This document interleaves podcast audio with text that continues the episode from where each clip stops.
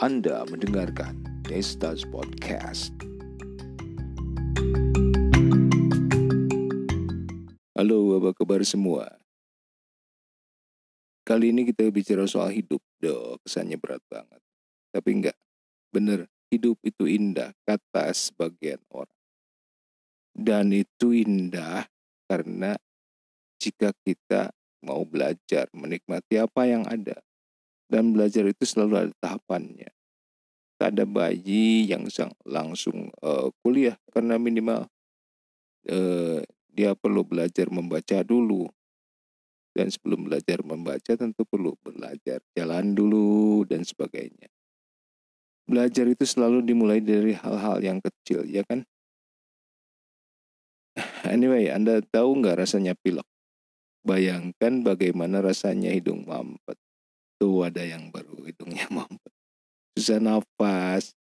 Dan kalau kebetulan Anda sekarang lagi pilek, maka bersyukurlah karena masih bisa merasakan hidung mampet. Dan itu cuma sementara kok. Pernahkah Anda bayangkan jika Anda tidak punya hidung? Masya Allah. Mungkin memang tak akan merasakan hidung mampet, tapi gimana ya caranya Anda bernafas jika hidungnya saja nggak punya? Pakai insang kali kayak ikan. Dan pernahkah Anda menghitung berapa kali Anda mengedipkan mata dalam sehari? Saya sendiri tidak tahu pasti karena tidak pernah menghitung. Maka kita secara otomatis berkedip tanpa perlu diperintah. Nggak perlu dikasih program dulu kayak komputer ya. Dikasih apa namanya ada algoritmanya kebayangkan harus bernafas saja ribet. Nah sekarang mau nggak Anda coba untuk tidak berkedip satu menit aja.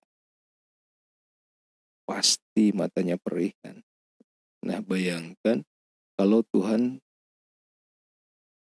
membekali kita dengan mata yang tidak bisa berkedip secara otomatis. Tidak harus kalau Iya bayangkan itu harus ada saklarnya yang harus kita strike gitu tiap kali mau berkedip kan ribet ya.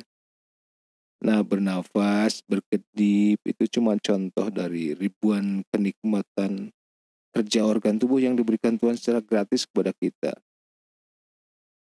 Nah apalagi kalau kita bayangkan bagaimana kerja jantung, ginjal, paru-paru dan lain-lain.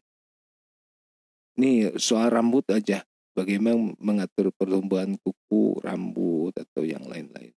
Yang punya rambut ya. Dan semua itu gratis loh. Mungkin justru karena gratis dan otomatis itu kita sering melupakannya. Kita anggap itu memang sudah seharusnya memang harus terjadinya seperti itu. Bahkan kita sering lupa bahwa jika saja Tuhan mengganti sifat otomatis itu menjadi manual, maka waktu kita tidak akan pernah cukup hanya untuk memberikan perintah-perintah kepada organ-organ itu. Hei kuku, panjangin dikit dong gitu. Hei rambut, yang ada rambutnya. Panjangin dong dikit. Dan itu tiap detik. Nah, untuk merasakan indahnya hidup, kita harus belajar menikmati apa yang kita miliki mulailah belajar menikmati proses bernafas misalnya. Bayangkan setiap tarikan nafas yang kita lakukan sebagai sebuah ritual otomatis yang mahal dan ternilai. Nikmati hangatnya udara yang kita hirup dan kita rasakan kesegaran yang menyebar ke seluruh bagian tubuh kita dengan penuh rasa syukur. Semakin sering kita bersyukur dengan apa yang kita miliki, maka hidup kita akan menjadi semakin indah. Tak perlu iri dengan apa yang dimiliki orang lain karena belum tentu sesuai dengan kita, dengan kebutuhan kita. Benarkah kita akan bahagia kalau misalkan uh, kita sekaya tetangga kita? Kan belum tentu juga. Siapa tahu kita malah akan menderita karena selalu merasa takut kehilangan kekayaan kita. Lalu rasa takut yang berlebihan itu membuat kita tertekan, depresi, dan akhirnya sakit. Tuhan selalu memberi sesuai dengan kemampuan kita dalam menerima. Maka iri terhadap orang lain adalah bentuk ketidakpercayaan kita terhadap takaran yang sudah diperhitungkan Tuhan. Kita seperti merasa lebih pintar dari Tuhan dalam hal menakar kemampuan kita menerima sesuatu dari Tuhan. Nah, pepatah orang bijak katanya, jangan melihat ke atas dalam soal dunia. Syukuri apa yang kita miliki saat ini.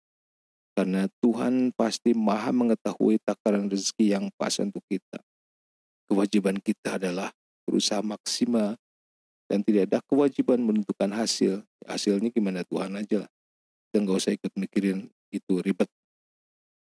Lihat ke bawah, jika kita bisa makan tiga kali sehari, ingat bahwa masih banyak orang yang untuk bisa makan tiap hari aja masih susah.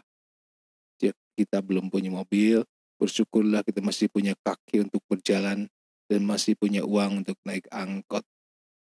Kaya itu tidak diukur dengan uang, melainkan dengan hati jika kita merasa kaya, merasa cukup, maka kita sudah kaya dan bersyukurlah dengan apa yang kita miliki saat ini.